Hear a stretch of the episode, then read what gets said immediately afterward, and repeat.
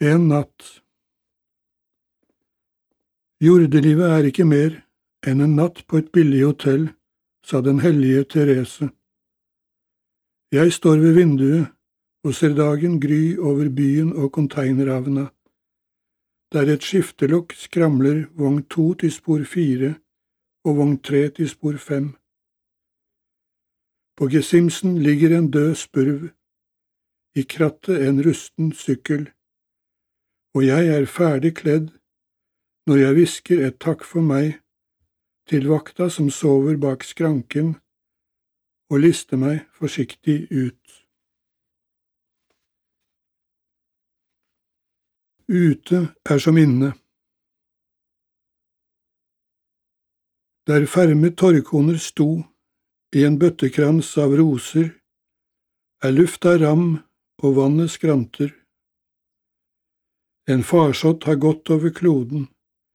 Klassene kjemper for livet. To euro for en krølltang, et kyss for et bønnekjede. Så hvordan slippe fri fra kremmerbod og pengepuger? I hvilken retning ligger frelsen? Hvor er jorda rein og gullet skittent? Hvor gis vievannet til den som tørster? Ved kilden.